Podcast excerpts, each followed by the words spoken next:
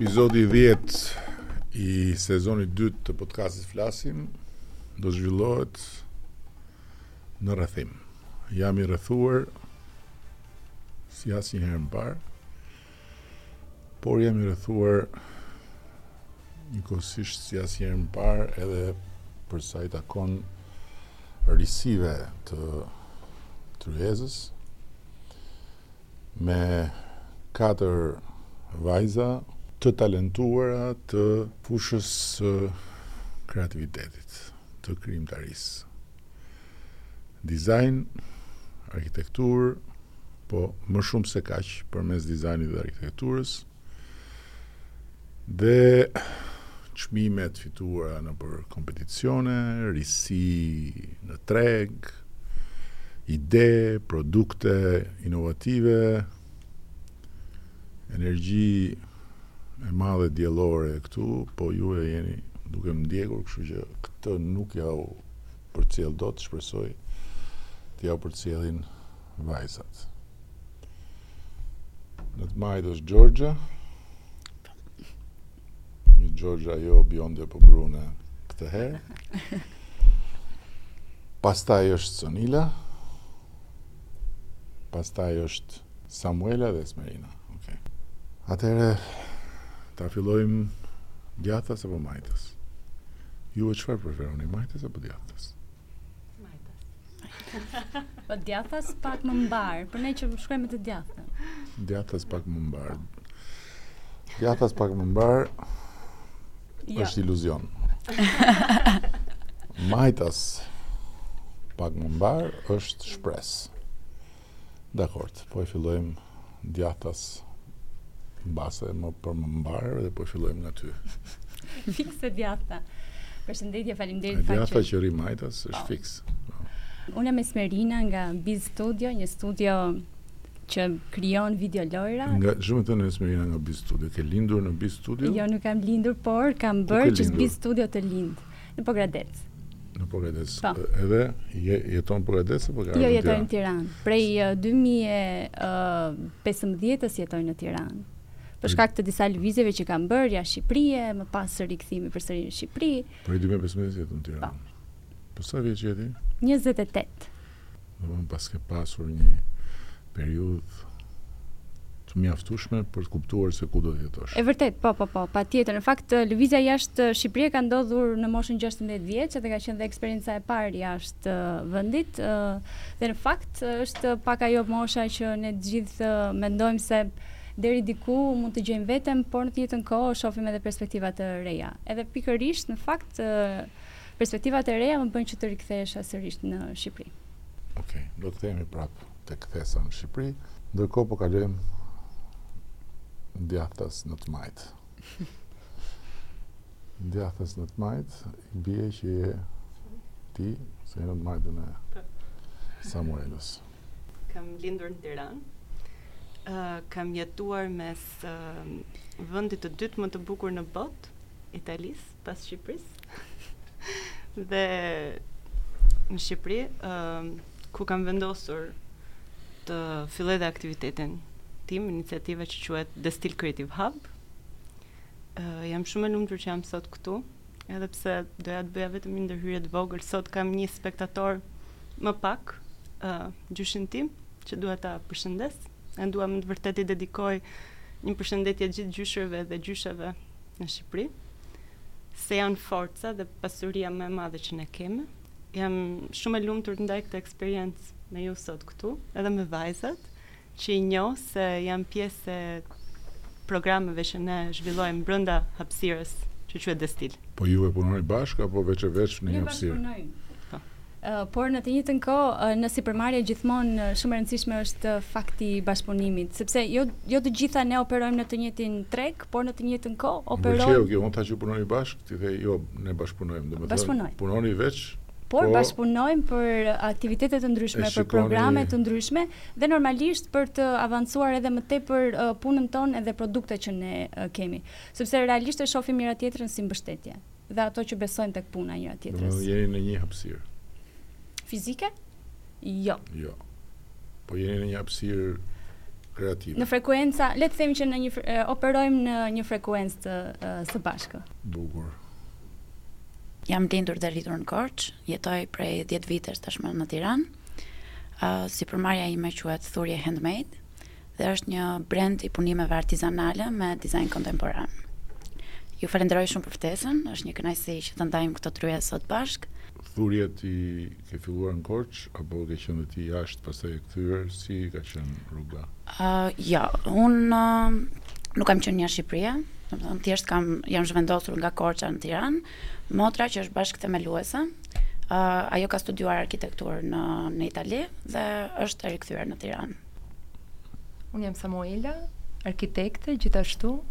Edhe unë si motra e Xhorxhës kam studiuar në Firenze, jam kthyer në 2015 në Shqipëri, dhe nga ai moment kam punuar vitet e para në studio arkitekture në vend, dhe më pas jam shkëputur për t'iu dedikuar realizimit të produkteve të cilave mund t'i kontrolloja më shumë në procesin e realizimit dhe të konceptimit dhe sidomos të shprehnin parimet që unë mbart në lidhje me cilësinë, me estetikën dhe materialet e përdorura në to, në të cilat unë besoj. Dhe flas kryesisht për materiale naturale, duke krijuar produkte të cilat pasi përfundojnë ciklin e tyre të jetës, është e mundur që ato të dekompozohen në natyrë pa lënë një impakt të madh në ambient pas. Domethënë merresh me dizajn. Unë merrem me dizajn, me dizajnin e po fokusohem vitet e fundit më shumë në dizajnin e mobiljeve, si në ambientet e brendshme dhe në ambientet e jashtme. Dhe së fundmi kam fituar edhe një çmim në Akademinë për Femrat Sipërmarrëse, një aktivitet i cili u mbështet dhe financua nga Ambasada Amerikane dhe u realizua nga Destil Creative Hub. Kjo është një nga ato programe që ne na bashkojnë të gjithëve dhe ishte një eksperiencë shumë e bukur pasi solli arrita që të sjell në jetë një ide idenë për një abazhur, i cili ndodhet këtu në krahun tim. Ky abazhur u krijua nga dëshira për të ripërdorur një copë betoni. Kjo bazë është një copë betoni e cila origjinën e ka si një test për betonin që do të përdorej në sheshin e ndërtimit të sheshit Skënderbej. Ky ishte funksioni i parë dhe më pas do të hidhej. Fatmirësisht, kjo copë betoni u ruajt deri në ditën e sotme dhe unë arrita më ndihmoi që të krijoja prototipin e parë të një linje abazhurësh që unë dua të realizoj, të cilët do kenë bazë, si bazë do kenë këto prova betoni, të cilat merren nga kantiere të ndryshme të Shqipërisë dhe pasi e kryejnë funksionin e tyre, unë dua t'u jap një funksion të ri dhe t'i shndërroj në objekte dizajni të cilësisë së lartë, duke e kombinuar me një kokë druri, i cili është gjithashtu një material ë i biodekompozueshëm, ë është i lyer vetëm me vaj nga farat e linit, prap një material ekologjik dhe Besoj që ky është produkti i parë që shpreh më së miri atë në të cilën besoj dhe është kjo sfida që i gjithë brezi jonë sot ndeshet, sfida ekologjike, dhe ndërtimi i një të ardhme më cilësore. Sa veta morën pjesë në konkurs? Në konkurs morën pjesë 30 persona. Ne ndoqëm një program që na ka ndihmuar jashtëzakonisht shumë, sepse dhe unë vij nga një fushë kreative dhe nuk e kisha shumë të qartë se si duhet të procedoja për të sjellë në jetë idenë time. Dhe falë këtij programi, që u implementua nga Destil Creative Hub, Patëm mundësinë që të trajnohemi dhe të komunikojmë me profesionistë të fushës së biznesit, të cilët arritën të na qartësojnë idetë tona, të na sjellin me këmbë në tokë, në shumë momente të na e bëjnë shumë të vështirë, sepse normalisht janë shumë faza dhe shumë bashkëpunëtorë që ne punojmë dhe në fakt dhe për këtë abazhur, përveç grumbullimit të këtyre pjesëve të betonit, Nga institucionet që testojnë betonin, koka është e punuar nga artizanë shqiptarë, me metoda totalisht artizanale dhe kjo është një vlerë tjetër që dua të risjell nëpërmjet punës time. Ndërkohë që ti je arkitekte. Po. Dhe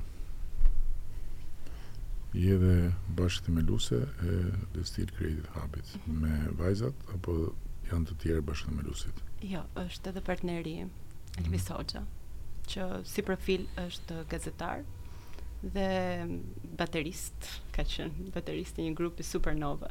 Uh, domethënë ka dhe pjesën e pasionit muzikës, që është dhe një nga industritë që janë pjesë e industrive krijuese ku ne fokusohemi me Destil-in në vitin tim të fundit të arkitekturës së bashku me kolegë të tjerë që sot nuk janë më pjesë, po ishin iniciues të kësaj të sipërmarrje, vendosëm të rijetëzonim një vilë të vjetër që ndodhet tek liceu artistik, zonën në të cilën edhe jam rritur. dhe t'i jepnim një funksion për ta kthyer në një hapësirë ku studentët e arkitekturës mund të vinin të punonin, të bashkëkrijonin, të ishin në një ambient të sigurt. Gjithashtu për të krijuar dhe një ekonomi rreth të gjithë kësaj iniciative, vendosëm që të kishte edhe një bar, të kishte edhe një hostel, i cili, i cili bënte bashkë dhe disa komunitete, edhe komunitetin ndërkombëtar, terma siç ishin co-working, co-living, nuk ishin të njohura në atë periudhë në 2014-ën. Uh, fillova t'i zbuloja me kalimin e kohës, duke punuar, duke mësuar. Uh, hapësira mori emër shumë të mirë, filloi të frekuentohej nga shumë institucione, organizata, ambasada që e shihnin si pikë interesante për aktivitetet që kishin të bënin me të rinjtë, për ta përdorur sepse i gjenin të rinjtë aty. Sa njerëz xhirojnë në këtë në këtë konstelacion? Atëherë, Destili ka krijuar sot pas gati 10 vite shumë realitete të tjera. Jo vetëm Destil, se siç tha dhe Smerina, ne bashkëpunojmë, suportojmë njëri-tjetrin. Ë dhe disa pastaj edhe nga këto realitete mund të ecin vetë edhe përtej Destilit.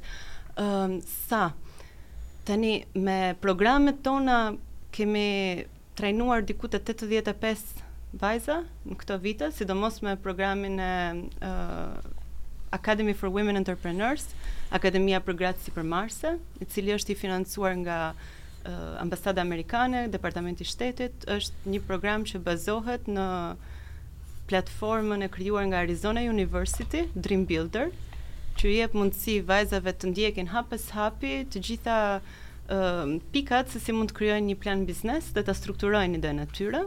Gjë që në fillim për shembull unë vetë kam patur familjen time uh, si mbështetje kryesore për të kuptuar se si mund të hyja në botën e biznesit. Sot jemi këtu uh, me disa vajza që kanë zgjedhur dhe ato të jenë në sipërmarrje.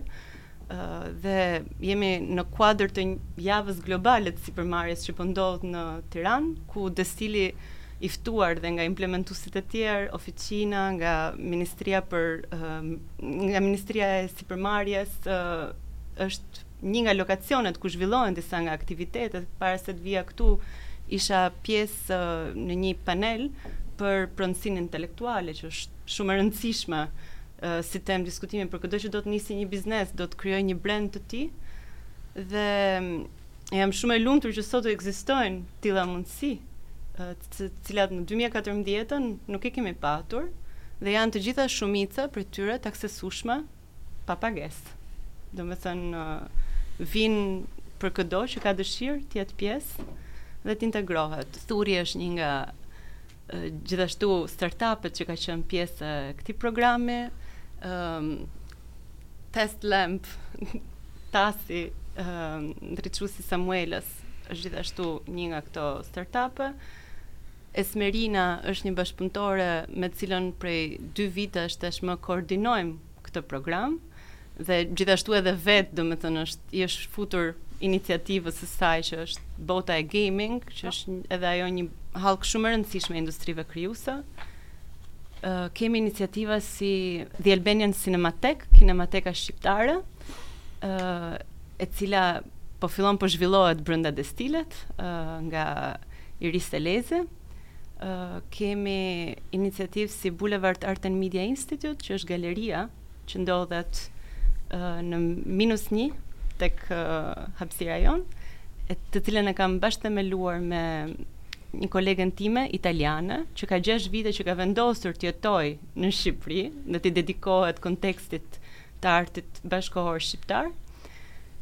Dhe kështu do me thënë iniciativa të tjera që lindin edhe brenda ose që mirëpresim brenda hapësirave tona, që janë diku te uh, Destili ndodhet te bulevardi Zogu i Parë, janë 1800 metra katrorë, në total të ndarë në 6 nivele, pra minus një është galeria, kati përdhe është bari, kafeteria, hapësira për evente, tre kate janë co-working space, të ndara mes shared space, pra që ti merr një tavolinë ditore, javore ose mujore, kemi freelancer të ndryshëm, digital nomad që vijnë e përdorin, po kemi edhe persona që janë po prap freelancer nga Shqipëria që kanë preferuar në vend të paguajnë qira për një ambient, paguajnë qira për një tavolinë dhe të ndajnë hapësirën, se më e rëndësishmja është ndarja e hapësirës me persona të tjerë mbi të cilët mund të mbështetesh kur je në hapat e para të një sipërmarrjeje dhe kur je ende i vogël.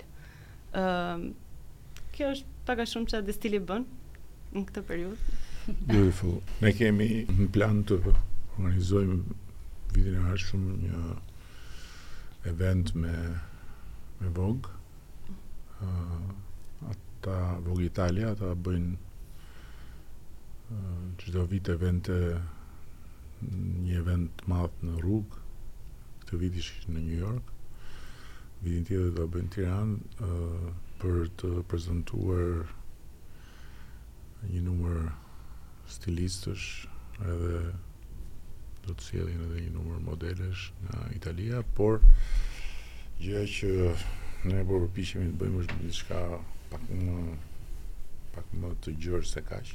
Mbase kjo është dhe arsyeja që rasti e solli që takohemi se mund të bëjmë një bashkëpunim me me ju. Edhe mbas bisedës ju them pak më shumë se si mund të bashkëpunojmë edhe në çfarë hapësire ju mund të përfshiheni. Ndërkohë që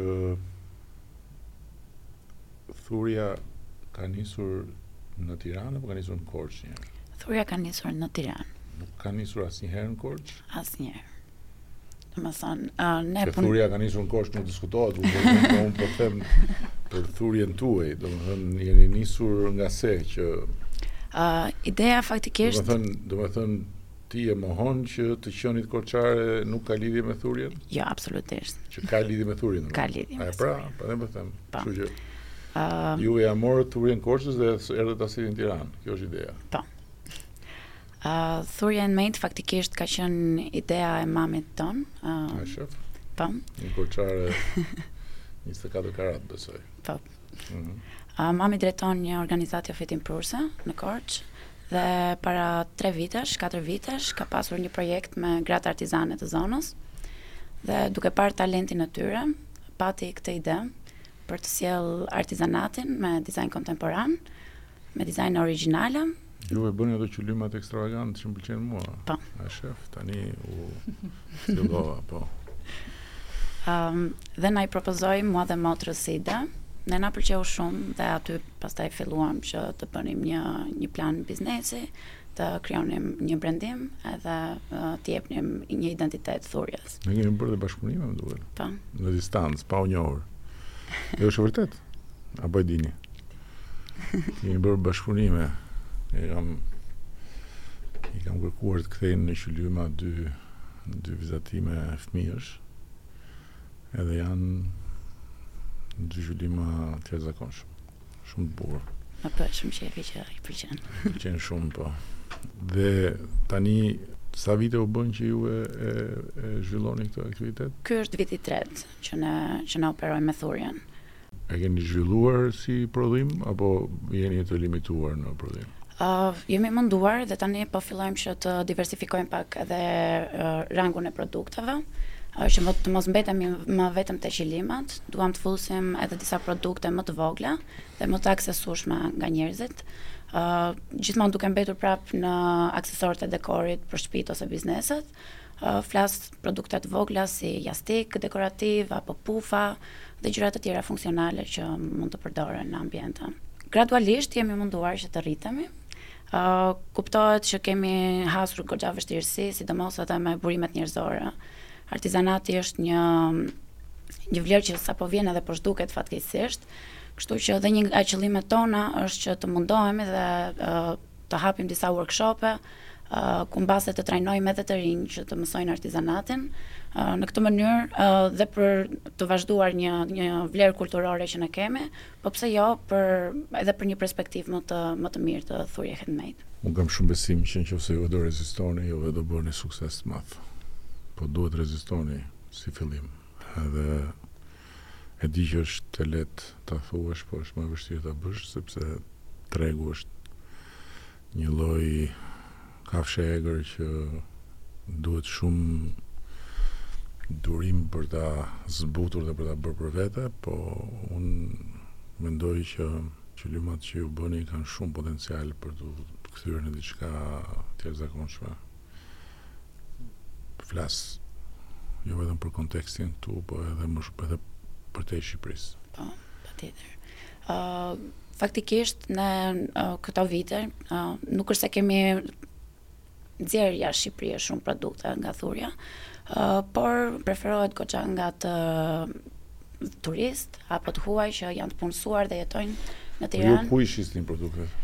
Ne produktet i shesim online, së shpejti edhe në dyqanin që Destili do do të hap. Kuptohet nëpërmjet kontakteve personale, biznese dhe klientë individual. Kurse ti merresh me lojëra, me po. çfarë luan? Unë përgjithësi luaj lojëra multiplayer sepse edhe vetë loja e parë që ne kemi prototipin edhe demon është një lojë multiplayer. luhet desktop, do duhet të jemi disa veta, si për shembull jemi pesë këtu, mund ta luajmë lirshëm. Ë është një lojë në ujë për gjithë fansat e Blurit që e kanë pas luajtur lojën me makina me gara. Ka të njëjtën nostalgji, por në fakt përkthehet në vend të makinave kemi uh, krijesa deti ku njëra prej tyre është një ork që unë e kam edhe të veshur sot, ndërsa uh, krijesa tjetër është një breshk uh, dhe gjithë uh, gara zhvillohet në ujë me qëllimin dhe vizionin për ta çuar në shtatë detrat edhe për të patur shtatë treks, për të patur shtatë uh, kingdoms, shtatë karaktere.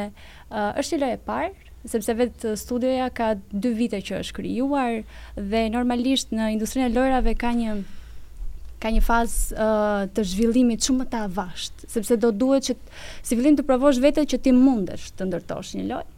Do duhet të kesh një portofol shumë të mirë, do duhet të bindësh investitorët që të investojnë tek loja jote.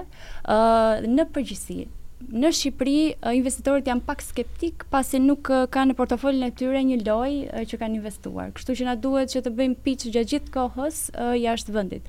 Por kjo nuk është aspak problem, sepse mendoj që paralelisht kjo industri do të zhvillohet në Shqipëri dhe duhet të zhvillohet. Por, do të duhet të ndërtojmë pak edhe kapacitetet. Kur flas për kapacitete, flas në sensin e individëve që duan të përfshihen në këtë industri. Për të konkuruar në rang botëror, ne na duhet të rrisim edhe fuqitë tona, muskujt tonë për të dhënë produkte sa më sa më cilësore. Po loja e parë si ka ecur nga kjo pikëpamje? Loja e parë kemi një prototip, të cilin ne jemi gjatë gjithë kohës duke e piçur për investim. Është shumë e vështirë për të marrë investim specifikisht për këtë lloj zhanri, sepse është pak i vështirë. Flasim për një treg ku më së shumti tani janë duke investuar për lojëra mobile, sepse personat, njerëzit janë gjatë gjithë kohës në telefon. Por ama tregu i lojërave desktop është shumë serioz për gjithë lojtarët që luajnë në lojëra seriozisht, arrijnë të paguajnë, i dedikojnë kohë, i dedikojnë edhe pajisje, por që është një lojë e parë që ne kështu e quajmë si një produkt jonë i parë dhe paralelisht jemi duke munduar të krijojmë një narrativ tjetër. Investimi zakonisht për lojra të tilla, për një lojë të tillë 250.000 euro. Kjo sepse 3 të katërtën e buxhetit të investimit është marketing. Duke qenë se është një industri që flasim për uh, argëtim, uh, lekët më të mëdha shkojnë normalisht për marketimin dhe sa do duhet që të shkojnë njerëzve sa më shumë përpara syve. Dhe pastaj pjesa tjetër shkon për ekipin e zhvillimit. Sa veta jeni në këtë? Momentalisht ne jemi 5 veta. Çfarë çfarë profili janë? Ku një kemi një zhvillues, një CTO, një designer dhe dy unë bashkë me Lorenën, uh, jemi dy vajzat që merremi me pjesën operacionale. sepse uh, jemi ato persona që dalim, uh, takohemi, takojmë njerëz, mundohemi. Këta tre janë djem. Po. Domethënë dy vajza keni vënë djem në punë dhe vetë dilni që si të shisni. Interesante, vendosur shumë, por po, ju e bashkëpunojmë ta. Interesante, kjo është e qartë. Juve jeni dy. Është fakt. Juve jeni dy po. drejtore, aty janë tre djem që Rrinë përpara kompjuterit. Po sepse ata ndihen më mirë aty edhe ne ndjehemi më mirë këtu. Po tjetër dhe ju këtë keni pas parasysh, si të ndihen ata sa më mirë, prandaj i keni vënë zap. Për harmoninë e përbashkët normal. Shumë mirë. Edhe ju ju e sigurisht ndiheni në harmoni të plotë sepse ata. Ne jemi krenare për të shfaqur një produkt të punuar nga ata. Po. Domethënë ju ata punojnë për krenarinë tuaj. Shumë e qartë. Për krenarinë e përbashkët. Nejse bëj shaka, po realisht është shumë impresionuse që juve jeni katër individë me ambicje dhe me talent dhe në ndërkohë ju vetëm jeni të fokusuar tek zhvillimi i talentit tuaj nëpërmjet asaj gjës më vete, por edhe keni këtë bashkëpunimin kreativ për t'i dhënë më shumë forcë vetes duke qenë bashkë me bashkë me të tjerë dhe kjo është shumë uh, impresionuese. Por edhe është edhe shembullore dhe prandaj besoj që Ju jeni vlerë e shtuar për këtë bashkëbisedim që që unë bëj çdo javë. Po doja t'ju pyesja pak për për nga vini në sensin e familjes, në sensin e ushqimit që keni marrë nga pikëpamja e edukimit, e kurajos, sepse për hir të vërtetës duhet një kurajo ekstra, duke qënë vajzë dhe duke thënë, jo, unë jam zot i fatit tim edhe unë do hy Edhe do luftoj me një sipërmarrje timen. Duhet, duhet pak ekstra kurajo për hir të vërtetës.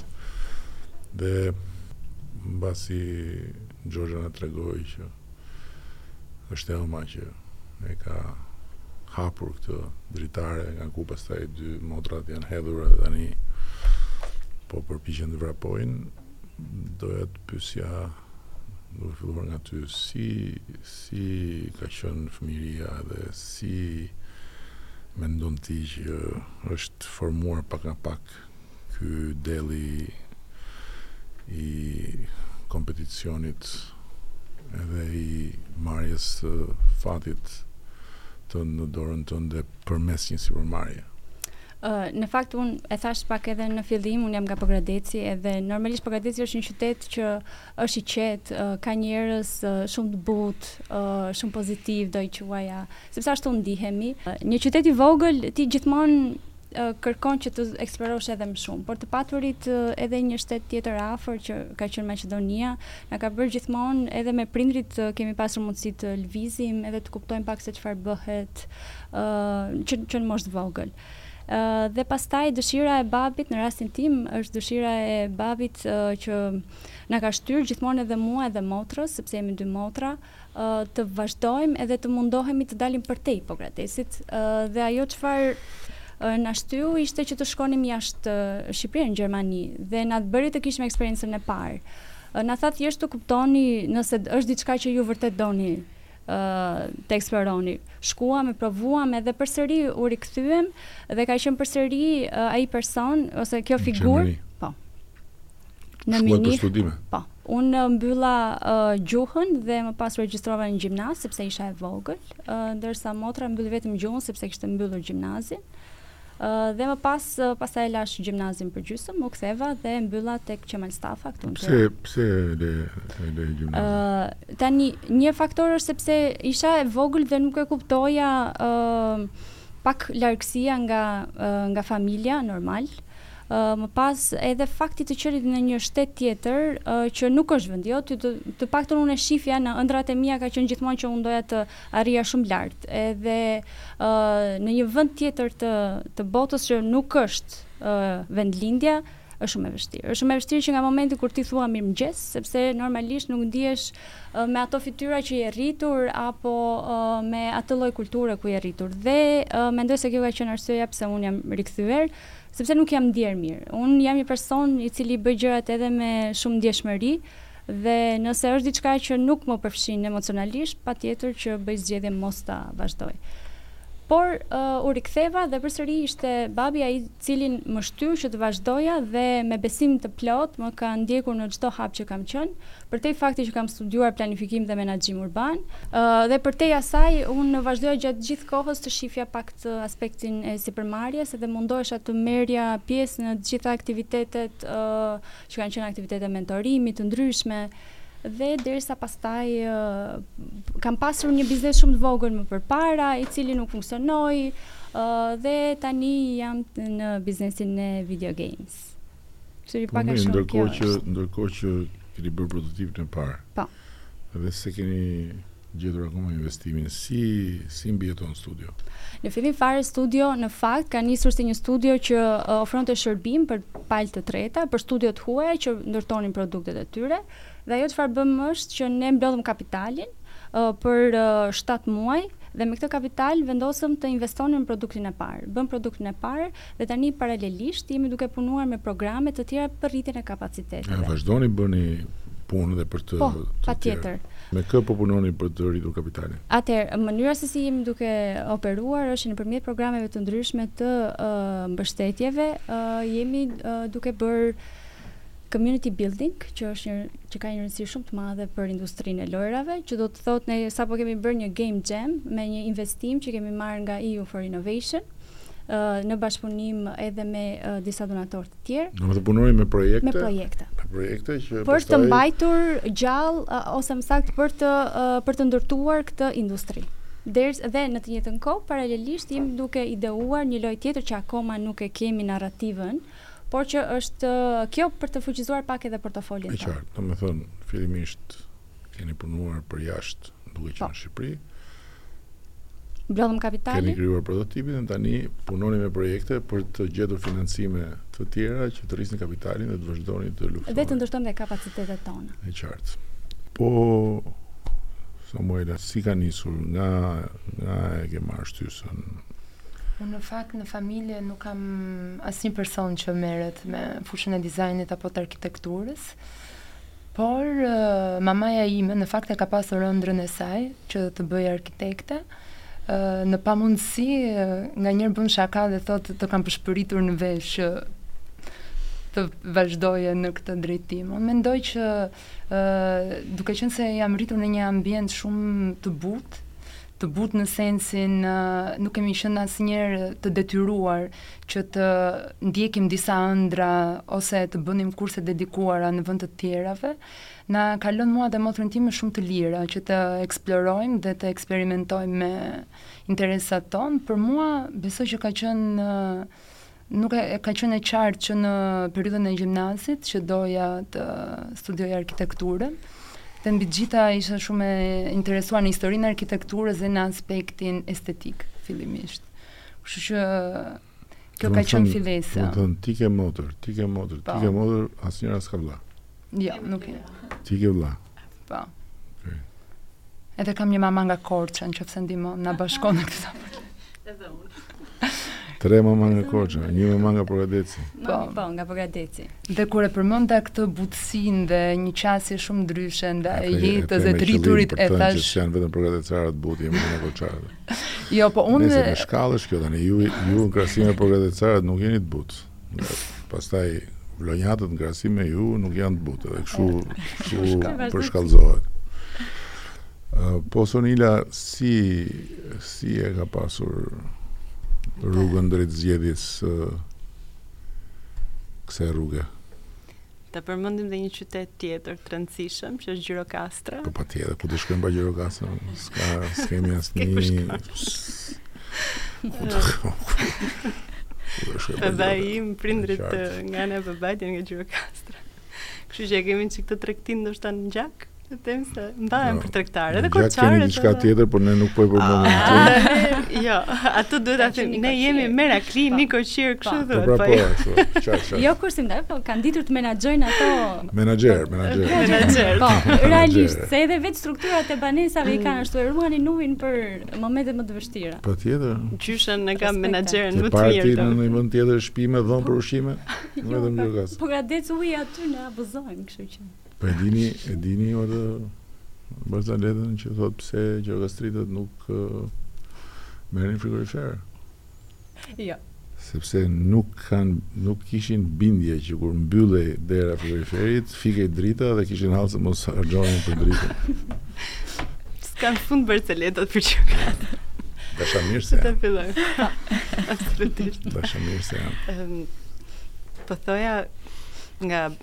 Ana e babait, uh, jam nga Gjirokastra, nga ana e nënës, nga Korça. Uh, familja ime është marrë gjithmonë me biznes. Kështu sipërmarrja ka qenë pjesë e ime që e vogël. Uh, Xhaxha im ka emigruar në Itali. Uh, ka aty me babain tim në Shqipëri filloi uh, biznesin e tij uh, që ka të bëjë me goma. Kjo është biznesi familjar. Uh, dhe vendosi që të rikthehej pas një periudhe të gjatë në Shqipëri kanë qenë mbështetja ime kryesore në momentin që un shpreha dëshirën për të iniciuar Destilën dhe ndoshta edhe pa e kuptuar tamam se çfarë kisha dëshirë unë të bëja me këtë hapësirë, kush ishte qëllimi, çfarë do të se në atë periudhë ndoshta edhe sot është një çikë e paqartë, po sidomos në 2014-ën ishte vështirë për ta kuptuar një hapësirë të tillë që nuk ishte thjesht një bar kafe ose nuk ishte thjesht një hostel, po ishte një uh, mix me disa funksione që edhe u zhvillua pastaj me kohën edhe më shumë. Destili operon në dy forma, është edhe biznes, pra krijon ekonomi në mënyrë që të jetë edhe i pavarur, por nga ana tjetër është edhe organizatë. Të gjitha programet që ne ofrojmë janë bëhen përmes organizatës, ne merrem me shkrime projektesh, përgjithësisht janë të fokusuar tek startup-et, te industria krijuese dhe te kultura, ky është fokusi jonë kryesor. Për ta mbyllur këtë cikël, gjithmonë jemi në kërkim edhe të mënyrave të ndryshme se si mundet, qoftë edhe pas këtyre projekteve, t'i bëjmë këto ide të qëndrueshme vet, edhe duke ndihmuar veten, duke ndihmuar personat që marrin pjesë në këto programe dhe kjo si rrjedhojë e gjithë kësaj Gjëje erdhi dhe ideja e shopit, e dyqanit, ë që vajzat pasi mbyllin ciklin e ë le të themi përgatitjes për një ide biznesi, ë kanë mundësi dhe të kenë një hapësirë ku t'i ekspozojnë dhe të kenë në shitje ë produktet e tyre. Gjithmonë, gjithmonë e kam pas brenda vetes time shumë të lidhur me familjen, këtë mënyrën e të menduarit pra se si gjërat mund të gjenerojnë jo vetëm uh, një të mirë sociale, po mund të krijojnë një ekonomi, pra mund të krijojnë një financë që të jenë uh, të vetëqëndrueshme. Uh, sepse edhe familja më ka shtyrë shumë shpesh që të sprovoj veten, pra t'u tregoj gjithmonë që kjo ideja ime ok, mund të mbështetet në një financim fillestar nga ato, po duhet të tregoj që është e qëndrueshme në kohë dhe vetë. Duhet të ulem, të bëj atë planin. Do doja të të kërkoja diçka nga mm -hmm. katërta për ta mbyllur këtë bisedë të parë mes nesh por jo të fundit të paktën shpresoj në rast se ju do ishit në vendin tim çfarë do bënit për veten tuaj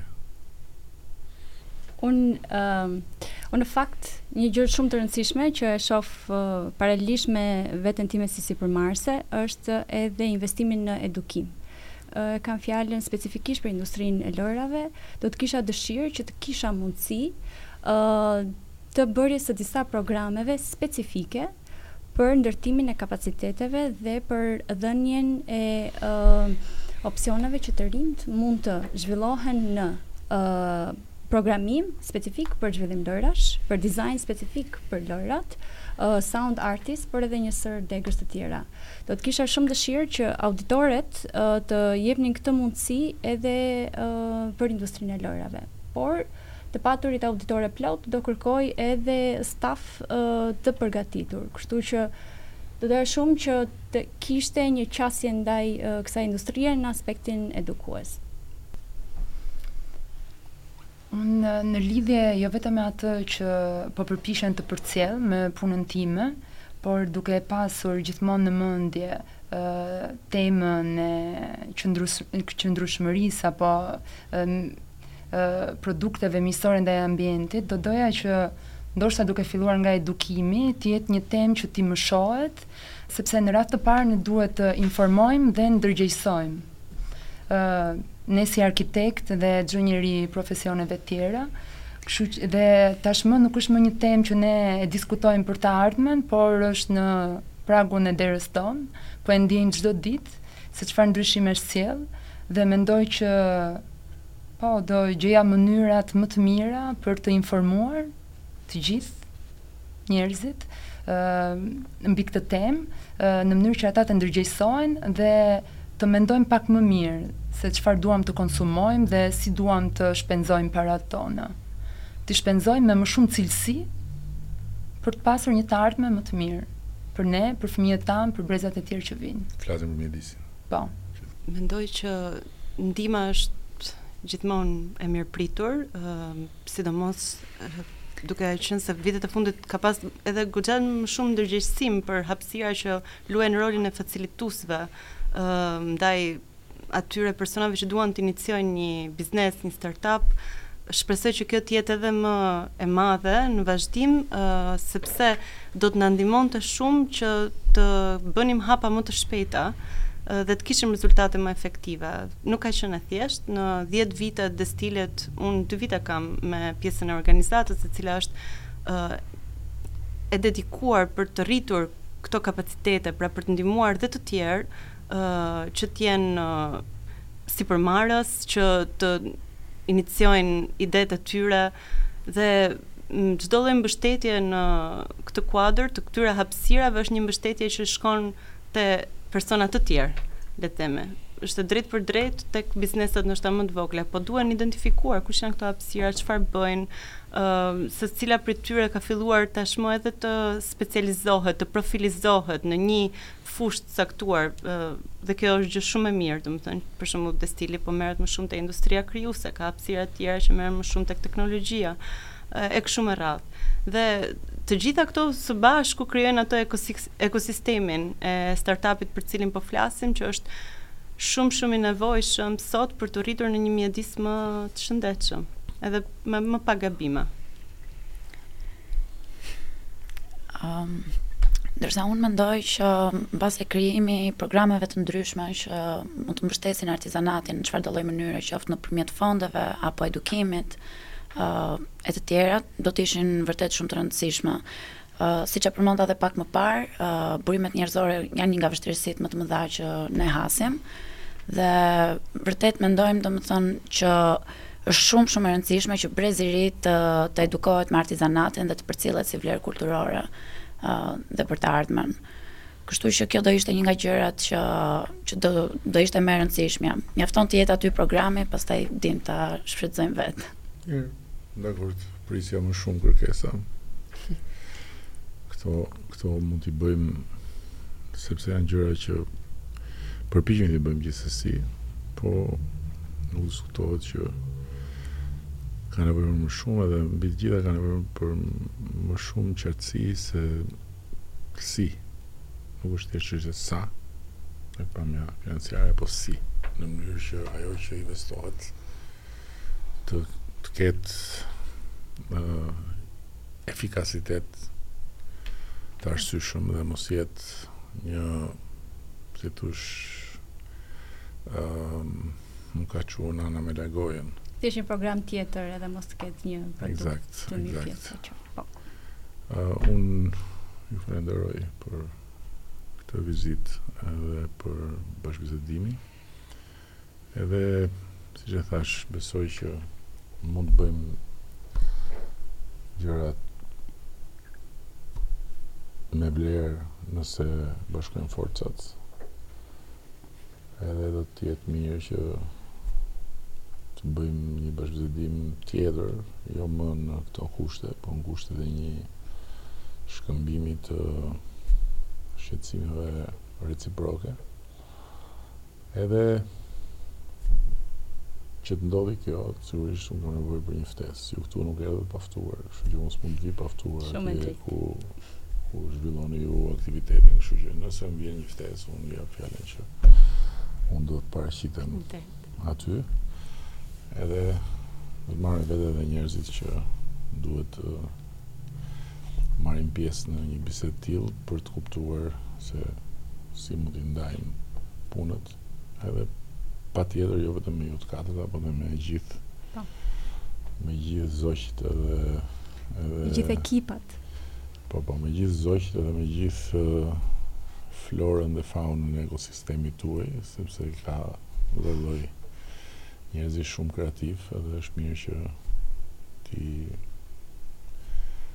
ballafaqojmë aspiratat, idetë, shqetësimet edhe opinionet për njëri-tjetrin. Se këtu unë e ndjeva pak majtas djathtas, por nuk jam akoma i bindur që e kam ndjerë tamam, kështu që do njihemi. në të ardhmen. Këto ishin katër vajzat e një hapësire speciale, një hapësire krijuese, një hapësire që unë personalisht e kam me dëgjuar, por mora dhe më shumë nxitje për ta njohur duke e vizituar dhe që ju ftoj të gjithë juve që jeni të lidhur në një mënyrë ose një tjetër qoftë nëpërmjet interesit qoftë kuriozitetit me këtë botë që ta vizitoni hapësirën Destil po bëj pak reklamë dhe nëse ju keni nevojë për mbështetje mund t'ju kërkojmë Pastaj këtu doli e qartë dhe gjë tjetër që djemtë punojnë për vajzat. Shumë e qartë kjo. Shumë faleminderit. Faleminderit.